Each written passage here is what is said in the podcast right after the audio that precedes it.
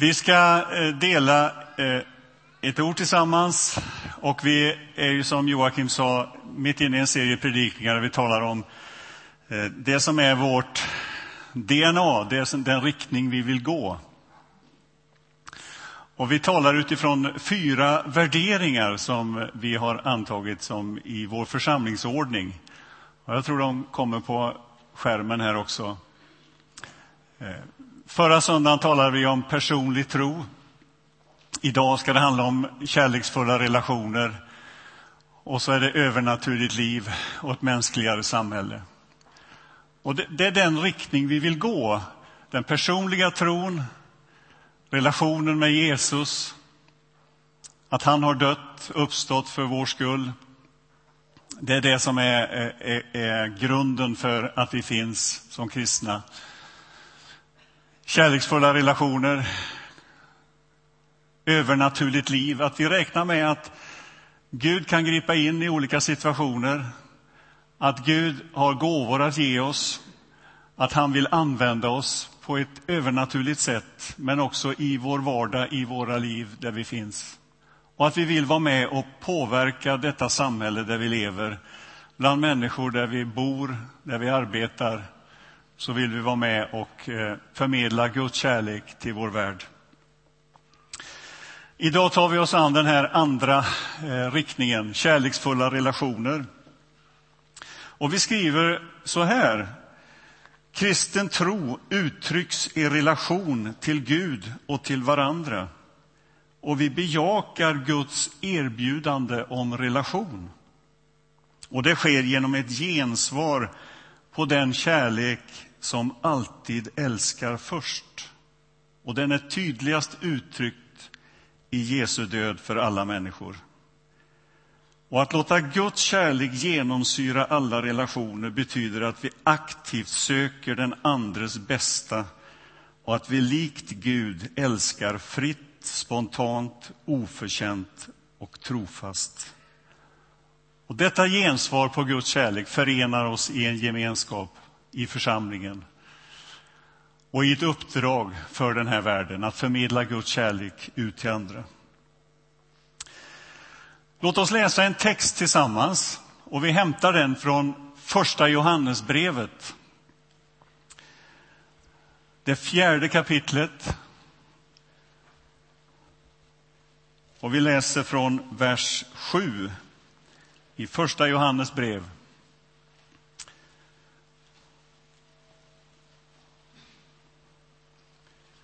Kapitel 4, vers 7 och följande. Mina kära, låt oss älska varandra, ty kärleken kommer från Gud.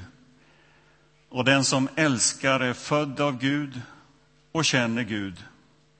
Men den som inte älskar känner inte Gud, eftersom Gud är kärlek. Så uppenbarades Guds kärlek hos oss han sände sin enda son till världen för att vi skulle få liv genom honom. Detta är kärleken, inte att vi har älskat Gud utan att han har älskat oss och sänt sin son som försoningsoffer för våra synder. Mina kära, om Gud har älskat oss så måste också vi älska varandra. Ingen har någonsin sett Gud, men om vi älskar varandra är Gud alltid i oss och hans kärlek har nått sin fullhet i oss. Han har gett oss sin ande och därför vet vi att vi förblir i honom och han i oss. Och vi har sett och kan vittna om att Fadern har sänt sin son att rädda världen om någon bekänner att Jesus är Guds son förblir Gud i honom och han i Gud. Och vi har lärt känna den kärlek som kommer, som Gud har till oss och tro på den. Gud är kärlek och den som förblir i kärleken förblir i Gud och Gud i honom. I detta har kärleken nått sin fullhet hos oss, att vi kan vara frimodiga på domens dag. Ty sådan som Kristus är Sådana är vi i denna världen. Rädsla finns inte i kärleken, utan den fullkomliga kärleken fördriver rädslan. Ty rädsla hör samman med straff, och den som är rädd har inte nått kärlekens fullhet. Vi älskar därför att han först älskade oss. Om någon säger jag älskar Gud men hatar sin broder, då ljuger han. Till den som inte älskar sin broder som han har sett kan inte älska Gud som han inte har sett.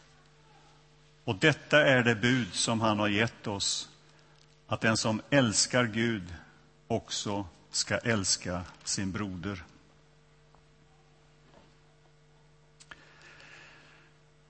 Min äldre bror satt med sitt barnbarn Alva, tre och ett halvt år. Och de försökte pärla tillsammans, lägga såna här pärlor. Och min bror han är ganska storvuxen, grov. Och det var lite svårt, så när han la ner en pärla så försvann det tre. Och så uttryckte han sin eh, misströstan på något sätt inför Alva och säger jag kan inte så mycket som din pappa kan. Han är mycket bättre på att pärla, att snickra, att göra saker och ting. Och så är Alva tyst en liten stund och så säger hon till min bror. Men du kan älska. Och du kan ge kärlek. Var kom det ifrån? Hon hade funderat ut lite grann. Du kan ge kärlek. Och det är ju så oerhört bra sagt. Därför att det är någonting som vi alla kan. Du kan ge kärlek. Du är skapad för att kunna ta emot och ge kärlek vidare. Det är den, det som är kallelsen över ditt liv. Att ta emot och ge vidare. Den kristna tron grundar sig på denna övertygelse om att Gud har sänt en inbjudan eller förmedlat en inbjudan till oss, varenda en. Och det är lätt att vi missar det. Och kärnan i den här inbjudan det är Kom alla ni som törstar, kom till mig.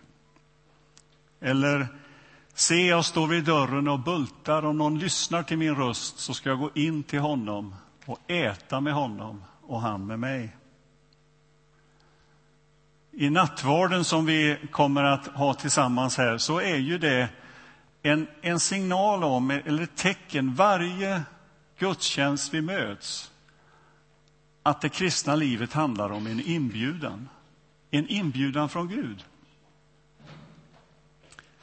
Och när du sträcker fram din hand och tar emot oblaten så är det ju liksom en, en tydlig signal om att du tar emot någonting. Att Gud i Jesus Kristus ger sig själv till dig. Och att vara en kristen, det är att svara ja på denna inbjudan som Gud har gett oss. Att ta emot nåden, kärleken. Vi kan inte komma om det inte finns en inbjudan. Inbjudan kommer först, och så kommer vi. Gud var först. Vi älskar därför att han har älskat oss, skriver Johannes. Kallelsen är utsänd. Bordet är dukat. Det är klart. Festen är färdig, liksom det är dukat och klart. Välkommen, du är bjuden med. Och det är den inbjudan som Gud ger är en inbjudan till gemenskap. Att det handlar om en inbjudan till en relation. Till en gemenskap som är avgörande för förståelsen av vad kristen tro handlar om. Det är själva poängen in i den relation. Vi har sjungit här eh, några sånger som beskriver treenigheten. Och det kanske är svårt att liksom greppa om den, den eh, vad ska vi säga, det begreppet. Gud, Fadern, Sonen Jesus Kristus och den helige Ande. Men egentligen så är ju denna inbjudan en inbjudan in i den gemenskapen. In i den relation som, som finns redan. In i den närheten, in i den gemenskapen kallar han oss. Och vi är inbjudna till den gemenskapen och när vi svarar ja på den så förenas vi med alla de andra som har svarat ja på den inbjudan. Och det är därför vi har det här, den här värderingen som så viktig och så betydelsefull. Kärleksfulla relationer. Det handlar om det. Du kanske tänker så här att ja, men jag, har, jag har så svårt att älska. Jag har försökt och du kanske har misslyckats. Men vi säger med utgångspunkt i den här texten som vi har läst och med bibelordet att Gud är den som kommer först. Vi ställer oss först i hans kärlek. Vi låter oss genomlysas av hans kärlek. Instinkten är ju annars att vi liksom försöker att anstränga oss att älska. Att försöka ta i, att kavla upp liksom skjortärmarna och tänka nu måste jag älska. Men här säger Johannes, ställ dig i denna Guds kärlek. Låt den få genomlysa dig. Svara ja på den först. Kom och låt min kärlek fylla dig, säger Gud till oss var och en. Låt mig få älska dig. Du kan ge kärlek, sa Alva. Johannes hävdar ju här att det börjar hos Gud. Och det är precis som att det är två som står och skyller på varandra. Ja, men det var han som började. Ungefär så säger Johannes. Det var Gud som var först. Långt innan jag kom på tanken att älska hade han älskat mig. Av evighet har jag älskat dig. Och det här är ju den, den, den stora och ofattbara sanningen egentligen. Att Gud älskar den här världen, att Gud älskar oss. Och det behöver sägas om och om igen. Gud älskar alla människor. Gud älskar dig där du finns. Gud älskar mig där jag finns. Och på något sätt så verkar det som att Johannes som skriver det här hade på ett särskilt sätt förstått det här eftersom han återkommer till det så ofta som han gör, både i sitt evangelium och i sina brev. Han talar om kärleken som det absolut avgörande. Och Det sägs om Johannes i evangeliet att han beskrivs som den lärjunge som Jesus älskade. Och det är ju, det är ju inte på det sättet att, att Jesus älskade Johannes mer än de andra. Det är, det är inte så Johannes menar. Utan han hade förstått det, att detta är helt avgörande för mitt liv. Att Gud älskar mig. Vad är det då för kärlek som Gud ger? Låt mig ge två karaktärsdrag på den här kärleken som kommer fram också i den här texten. I den här texten talas om kärlek utan rädsla. En fullkomlig kärlek. En kärlek som till och med håller, som Johannes uttrycker det, på domens dag. Och vad betyder det? Jo, det betyder att Gud är för mig i alla situationer. Gud är på min sida och på din sida. I med och i motgång oavsett vad som händer. När jag misslyckas, om jag syndar, om jag gör fel. Jag säger inte att Gud bortser från detta, men han är alltid för mig. Han säger ja över mitt liv. Jag behöver inte vara rädd, säger Johannes. Därför att i rädslan ligger tanken på straff. Rädsla finns inte i kärleken, ty rädsla hör samman med straff. Och det är ju samma tankegång som Jesus säger i, i sitt avskedstal när han lämnar lärjungarna. Jag är med er alla dagar. Jag är för dig i alla situationer. Och igen då, inte att han bortser från mina synder, mina misslyckanden. Men han är alltid för mig. Han är med mig. Jag kan vara trygg. Och denna kärlek gör ju någonting med mitt liv. Därför att då kan jag inte hata min broder. Även om min bror inte gör det jag önskar. Och jag kan inte göra någon illa därför att Guds kärlek är och innebär att han är för alla människor. Jag kan inte tillfoga någon annan smärta därför att Gud är för andra. Och den kärleken som jag tar emot från honom är för andra människor. Jag önskar människor gott. Jag gläds med dem som är glada, sörjer med den som sörjer, välsignar den som förföljer, till och med, säger Jesus. För Guds kärlek är sån, och det är den kärleken jag har dragits in i och låtit mig fyllas utav. Och jag vill alltid på något sätt utsätta mig för den kärleken. Låta mig älskas av den kärleken. Och det är därför som Johannes kontrasterar så tydligt att om jag älskar Gud eller låter mig fyllas av hans kärlek och samtidigt hatar min broder, det går inte ihop. Då är det någonting annat. Den får konsekvenser för hur jag ser på andra människor, vad jag tänker om andra människor, vad jag säger om andra människor.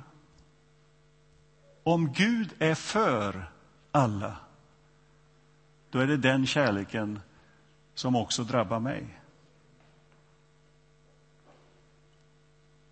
Det andra karaktärsdraget här är ju att Guds kärlek är utgivande.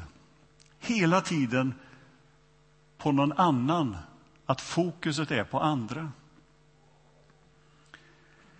Kärleken består alltså inte i att jag ska få det så bra som möjligt, utan att andra ska få det bra. Och det här är ju oerhört radikalt. Därför att vi vet att konflikter uppstår när jag inte får som jag vill. Och fred skapas när jag söker den andres bästa. Och så börjar en konflikt mellan två individer. Och så börjar också en konflikt när det gäller i stort mellan två stater. Och här möter vi en kärlek som hela tiden ser till den andres bästa. Som inte ställer jaget först utan andra först. Och det är den kärleken vi tar emot från Gud. Det är den kärleken som vi vill ska prägla våra relationer. Och det är den kärleken som vi får bära ut till vår värld, till vår omgivning, i våra relationer. Och det är därför som Jesus, när han vänder sig till folket, säger omvänd er. Alltså låt er vändas bort ifrån inkryktheten och in i denna kärlek som har sitt fokus på andra människor.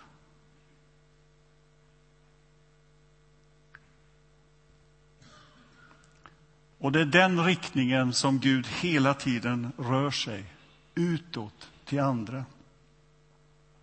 Kärleken känns igen på att den ger till andra och ger sitt liv för andra. Kärleken känns igen på att den sätter andras behov först. Och det är en radikal kärlek. Jag har den sista tiden eh, läst en del om Frälsningsarméns grundare William Booth.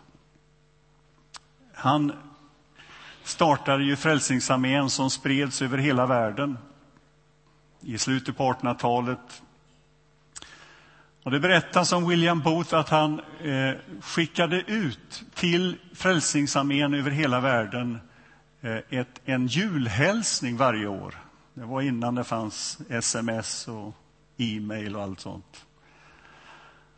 Och då gällde det att skriva, eh, inte så stort, utan skriva kort, därför att varje bokstav och varje ord kostade. Och vid slutet, ett av sina sista telegram som han skickade ut över hela världen till Frälsningsarmén, det hade ett ord. Vi ska få det ordet här. Others. Andra, skrev William Booth. Det var billigt att skicka det. Och alla förstod precis vad det handlade om. Och så blev det liksom en, ett ord som så tydligt angav riktningen för den kärlek som han hade tagit emot ifrån Gud. Andra. Det var det fokuset, det var den riktningen. Det var det kännetecknet på kärleken som William Booth ville förmedla till officerare, till Frälsningsarmén runt i hela världen. Och det är ju så bra. Det är så bra. Därför att det är det kärleken handlar om. Och då blir kärleken inte bara liksom en, en sån här inre verklighet, utan den visar sig konkret i min vardag, i mötet med andra människor, i mina relationer, i dina relationer, var du än är någonstans. Others. Du kan ge kärlek. Låt mig, låt mig till sist få ge några sådana här övningar som du kan ta med dig utifrån detta med kärleksfulla relationer. Och den första är, det är Alvas uppmaning, du kan ge kärlek. Alltså sök den andres bästa på ditt jobb den här veckan. Även om man är besvärlig och bångstyr eller vad det än är. Alltså utsätt dig för denna kärlek. Låt den få prägla ditt sinne, ditt tänkesätt inför den vecka som ligger framför. Gör dig medveten om den kärleken när du vaknar på morgonen. Ställ dig i denna kärlek, i den riktningen. Den andra övningen jag skulle vilja skicka med, det är lös den konflikt som du lever i. När jag var eh, mycket yngre än vad jag är nu, skulle börja fiska, så fick jag lära mig att laga nät. Därför att det var en förutsättning för att vara fiskare. Vi rev ofta trålen, gick sönder och man skulle laga den. Och så stod vi, så fort vi hade en tid över, och lagade små hål i nätet. Vi kan få upp ett sånt nät där. Och Ofta så var det ju bara en tråd som hade gått sönder emellan ett par sådana här masker. Och jag säger en gång till min farbror som var duktig på att laga trådar, är det så nödvändigt att laga den här tråden emellan? Kan vi inte ta lite större hål istället? Varför är de här små hålen så viktiga? Och då lärde han mig någonting som jag har haft nytta av hela livet Alltså hela idén och tanken med ett nät, det är att alla trådarna håller ihop. Därför att om inte trådarna håller ihop så förlorar det bärkraft. Det förlorar effektivitet. Och även om det är så att en fisk inte finner igenom här, och det finns ju mindre masker också, så, så innebär det att, att tyngden blir desto mer på det andra runt omkring. Och om vi tar den här bilden och tänker på kärleksfulla relationer så kan vi ibland tänka så här att ja, men den konflikten den har med A och B att göra. Men det är inte bara så. Därför att en konflikt innebär att det får konsekvenser för allt det andra runt omkring. Vi förlorar i bärkraft. Vi förlorar i effektivitet. Och det är därför som det, vi har med den här rubriken i, i Kärleksfulla relationer, konflikthantering, som jag tycker är väldigt bra att vi har med. Alltså i en gemenskap, i relationer, så kan det gå i sönder. Två trådar kan förlora kontakten med varandra. Och då är det inte bara någonting som berör de två, utan det berör oss alla. Därför att vi är förbundna med varandra. Vi hör ihop. Vi är kallade in i en gemenskap. Det är inte så att jag bara har min privata relation med Gud, utan vi har det tillsammans. Så jag vill utmana dig i att lös den konflikt som du eventuellt skulle befinna dig i. Det tredje och sista. Engagera dig i någon form av insats för andra människor. Utsätt dig för din nästa. Kom med i en församling.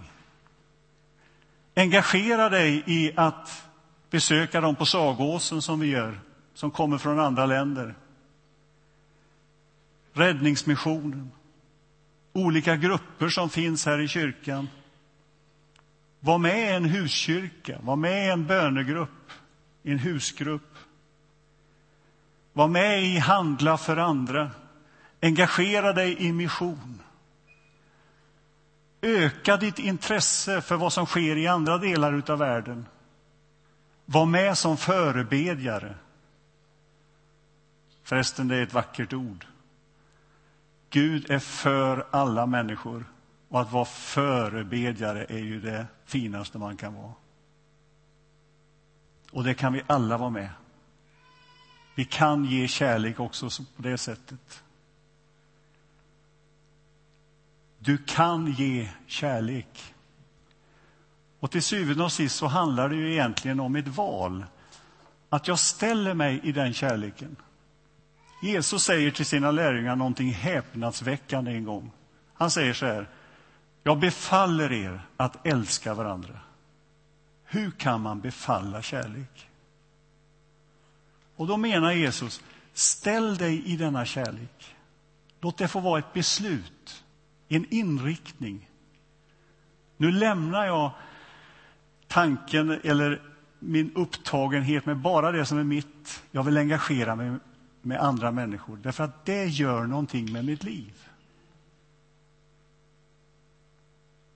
Och så inbjuds vi idag att ta emot hans utsträckta hand till oss. Och inte bara att det stannar hos oss, utan vi förmedlar det vidare till vår värld. Amen. Låt oss be. Tack Gud för din kärlek. Tack att du älskar världen, att du älskar oss, att du älskar alla människor. Och vi ber att den kärleken ska få drabba oss, att den får sätta oss i rörelse, att den får oss att handla, att agera. Tack att du vill ge kärlek.